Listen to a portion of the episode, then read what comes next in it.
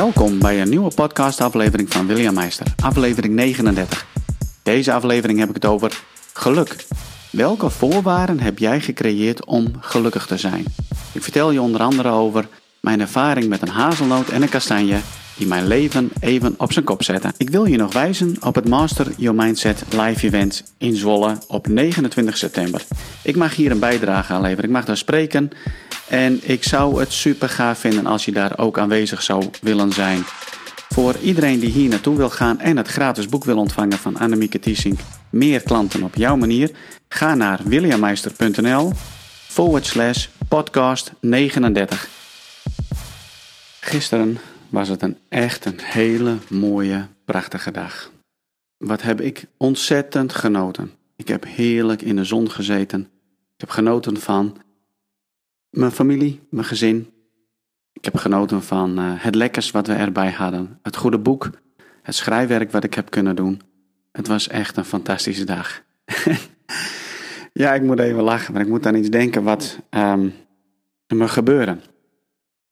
Ik moest op een gegeven moment wat uit de auto halen. En ik liep door het paadje achter ons huis, liep ik zo naar die auto toe.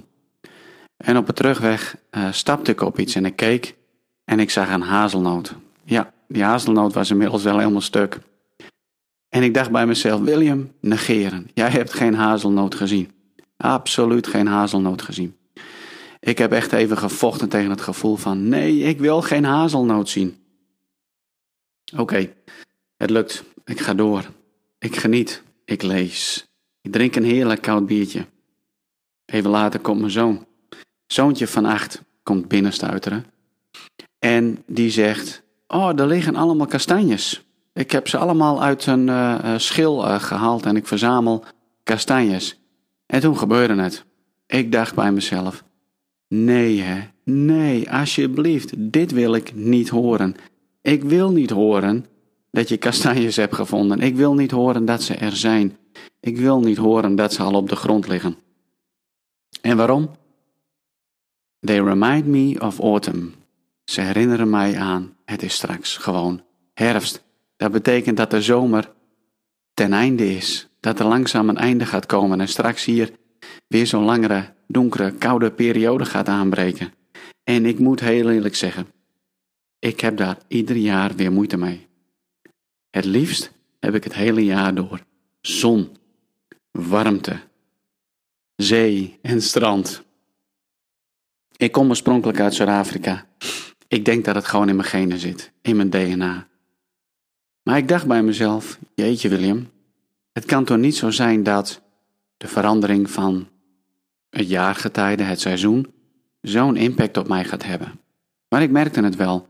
Als ik gewoon terugkijk op afgelopen jaren, dan.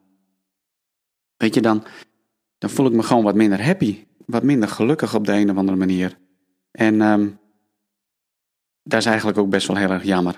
Dat heeft ook wel gewoon invloed op mijn gelukkig uh, voelen. Daarnaast moest ik denken aan een tekst die ik voorbij zag komen. Het was een uitspraak van iemand en ik kan me niet meer terughalen van wie die nou was of waar ik deze heb gelezen. En deze persoon die zegt: Kom bij een nieuwe podcastaflevering van William Meister, aflevering 39. Moet je dat eens even voorstellen, dat je geen reden hebt om je happy te voelen.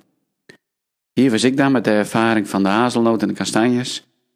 En de gedachte aan herfst en de gedachte aan winter. Dat maakte mij dus niet happy. Dus mijn reden om happy te zijn is onder andere zon. Zomer, lekkere warmere temperaturen. En hoe is dat voor jou?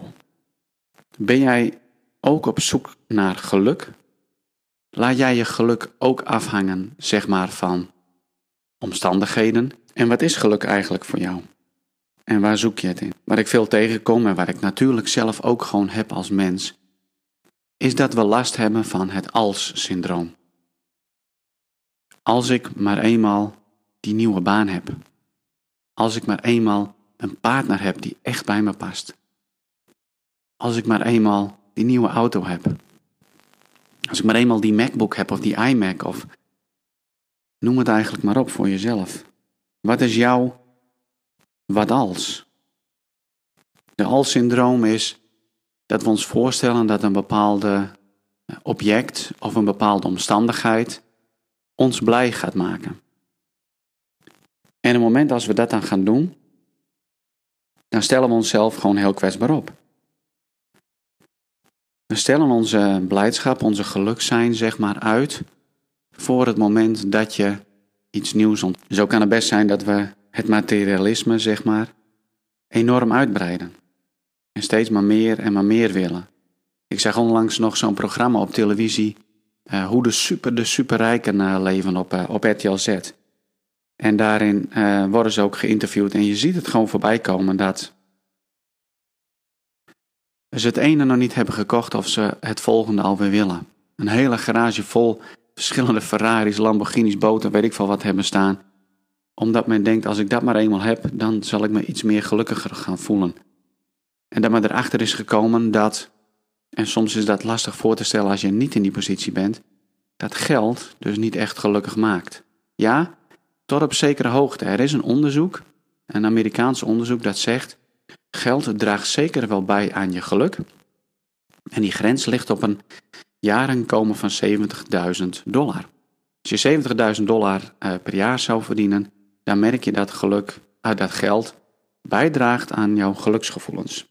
Daarboven gaat uh, geld, dus als je meer dan die 70.000 zou verdienen, gaat geld jou niet meer geluk geven. Het maakt ons dus kwetsbaar, het maakt ons afhankelijk van de omstandigheden. Het moet ons goed gaan om geluk te ervaren. En ik heb het wel vaker gehad over de verhalen van Viktor Frankl, de zin van het bestaan, die zeg maar in de hel van de wereld heeft gezeten, namelijk de concentratiekampen, en uiteindelijk ontdekte dat het gaat om hoe jij reageert op het leven. Natuurlijk heeft materialisme en hoe we het hebben hier in het Westen, natuurlijk draagt het bij aan onze geluk. Tenminste, dat denk ik. Hangt er natuurlijk ook af wat geluk voor jou is. En daarbij moet ik denken aan mijn reizen naar Afrika. Ik heb een aantal keren heb ik, uh, ontwikkelingsreizen gemaakt naar Afrika, naar West-Afrika, naar Zuidelijk Afrika. En dan trokken we echt helemaal het armste gebied in van Zuidelijk Afrika richting de grens van Mozambique. En dan het gebied waar het meeste getroffen was door HIV, waar de meeste weeskinderen waren. En wat een armoede. En wat schetst mij verbazing dat als je in die dorpjes komt, is dat de kindjes het grootste gedeelte van de dag, ondanks hun armoede, gewoon blij. Ze vinden iets heel simpels, een stok, een, een bierdopje, een oude fles of een blikje, en ze spelen daarmee. Ze zien mij daar als eh, blanke gast binnenkomen stappen en ja, dat trekt hun aandacht. En voor je het weet ben je met ze aan het lachen. Zij hebben dus gewoon ontzettend weinig nodig om blij en gelukkig te zijn. Tenminste, als je hun leven vergelijkt met dat wat wij hebben, jeetje, dan zouden zij misschien wel in staat zijn om te zeggen: Ik heb geen reden nodig om gelukkig. Ja, weet je, ik verlang daar wel naar. Ik streef daar wel naar om mijn omstandigheden en mijn verlangens en de wat als syndroom, om die zeg maar ja, weg te werken uit mijn leven, om in ieder geval niet meer afhankelijk te zijn van omstandigheden en van bepaalde verlangens. En dan het idee daarbij te hebben dat mijn geluk daarvan afhangt. Hoe gaaf zou het zijn om geluk te ervaren, om blijdschap te ervaren, gewoon zo. Wat je gelukkig maakt, tenminste wat jij denkt dat jou gelukkig gaat maken, dat is vaak maar weer tijdelijk. En hoe mooi zou het zijn om gelukkig te zijn zonder voorwaarden. Men zegt wel eens: je kunt kiezen om gelukkig te zijn. Wow, dat is een heftige. Laat die eens even inwerken op jezelf. Kijk eens even heel kritisch naar jouw eigen leven. Hoe sta jij vandaag in het leven? Heb jij er bewust voor gekozen om vandaag gelukkig te zijn? Of ben je de dag zo ingestapt in de hoop, laten er momenten gaan plaatsvinden, laten er ervaringen gebeuren die mij gelukkig. Geluk is een gevoel. Een gevoel kun je dus zelf bepalen. Kun je zelf bepalen als je als creator in het leven staat. Niet als slachtoffer, maar als creator, als schepper. Jij bent verantwoordelijk voor hoe jij je voelt. Het is namelijk niet afhankelijk van hoe andere mensen om jou heen doen, de spullen die je hebt, wat je kunt kopen of wat er op je bankrekening staat of whatever. Jijzelf bent verantwoordelijk voor jouw gevoelens. Dat geldt dus ook voor mij. Dat het niet zo kan zijn dat een hazelnoot of een kastanje op de grond mij gelijk mijn geluksgevoelens wegneemt. En dat ik me daar al op ga focussen. En alles wat je aandacht geeft, dat groeit. Dus ook zeg maar die hazelnoot en de kastanje en de gevoelens die erbij komen. Ik zal het moeten parkeren.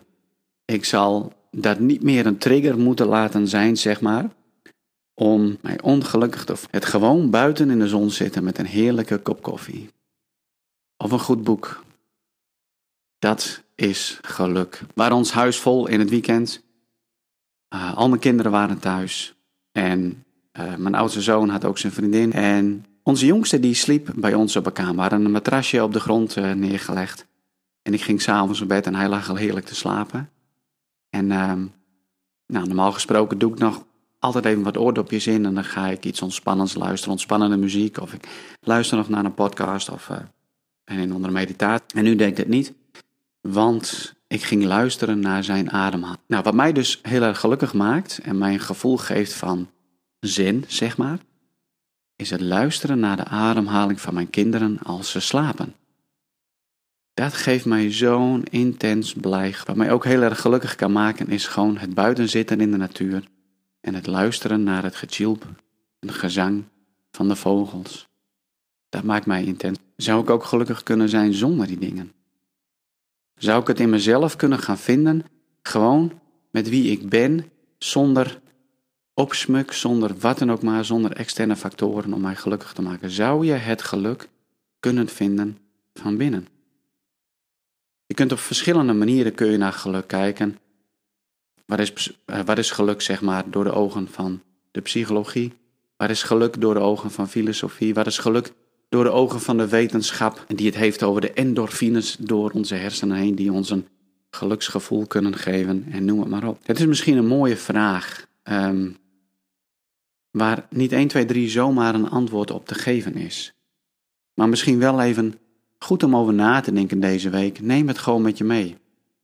Ben je afhankelijk van jouw omstandigheden, van de spullen die je graag nog wilt, van vakanties die je hebt gepland, van, nou ja, noem het maar op om jezelf gelukkig te voelen? Of kunnen we het vinden in ons binnenste? Gewoon in hoe we zijn, in het feit dat we leven, dat we ademen. En hetzelfde geldt voor, voor ons als ondernemers. Hoe sta je nu op dit moment, zeg maar, als het gaat om je happy voelen met je bedrijf, met je onderneming? Heb je in je onderneming ook last van de alsgevoelens? Als ik maar eenmaal de 100.000 heb gehaald qua omzet, als ik maar eenmaal die webinars heb lopen, als ik maar eenmaal zoveel klanten heb, als ik maar eenmaal dit, als ik maar eenmaal dat, als ik maar eenmaal mezelf durf te laten zien en een podcast kan maken of een videofilmpje, wat dan ook maar. Ben jij in je onderneming ook afhankelijk van het als-syndroom? Of kun je gewoon blij zijn met nu, met vandaag? Met bijvoorbeeld de gedachte: ik heb een onderneming. Ik heb een bedrijf, ik ben een ondernemer en ik ben aan het ondernemen. En ik geniet van de reis op weg naar. Dat mag je zelf invullen. Kun je gewoon blij zijn zonder allemaal voorwaarden die je schept om gelukkig te zijn. Dit was hem voor vandaag. Ik wil je daar gewoon even mee, uh, mee aan het denken zetten. Ik heb geen reden nodig om gelukkig te zijn. En wees eens eerlijk als je dat niet kunt. Wat zou je moeten veranderen in je leven? Waar zou je aan kunnen werken? Welke voorwaarden zou je eigenlijk moeten uitgummen om dat wel te kunnen? Ik wens je heel veel succes. Geniet van, geniet van de reis. Geniet van de reis van het ondernemerschap. Het is super, super gaaf. Tot een volgende keer. Dit was hem weer. Ik hoop dat je ervan hebt genoten en dat je er wat van hebt opgestoken. Je kunt je ook abonneren op mijn uh, podcast in de iTunes Store. Klik op abonneren en je krijgt iedere keer weer een, uh, een nieuwe aflevering. Um, je kunt ook naar mijn website williammeister.nl en daar op download e-book klikken. Dan blijf je ook op de hoogte van alle ontwikkelingen binnen uh, mijn bedrijf. En alle leuke aanbiedingen krijg je dan in je mailbox. Um, bedankt voor het luisteren en vergeet ook vooral niet: hey, als dit voor iemand anders wat zou kunnen betekenen, stuur het dan gewoon even door. Dankjewel.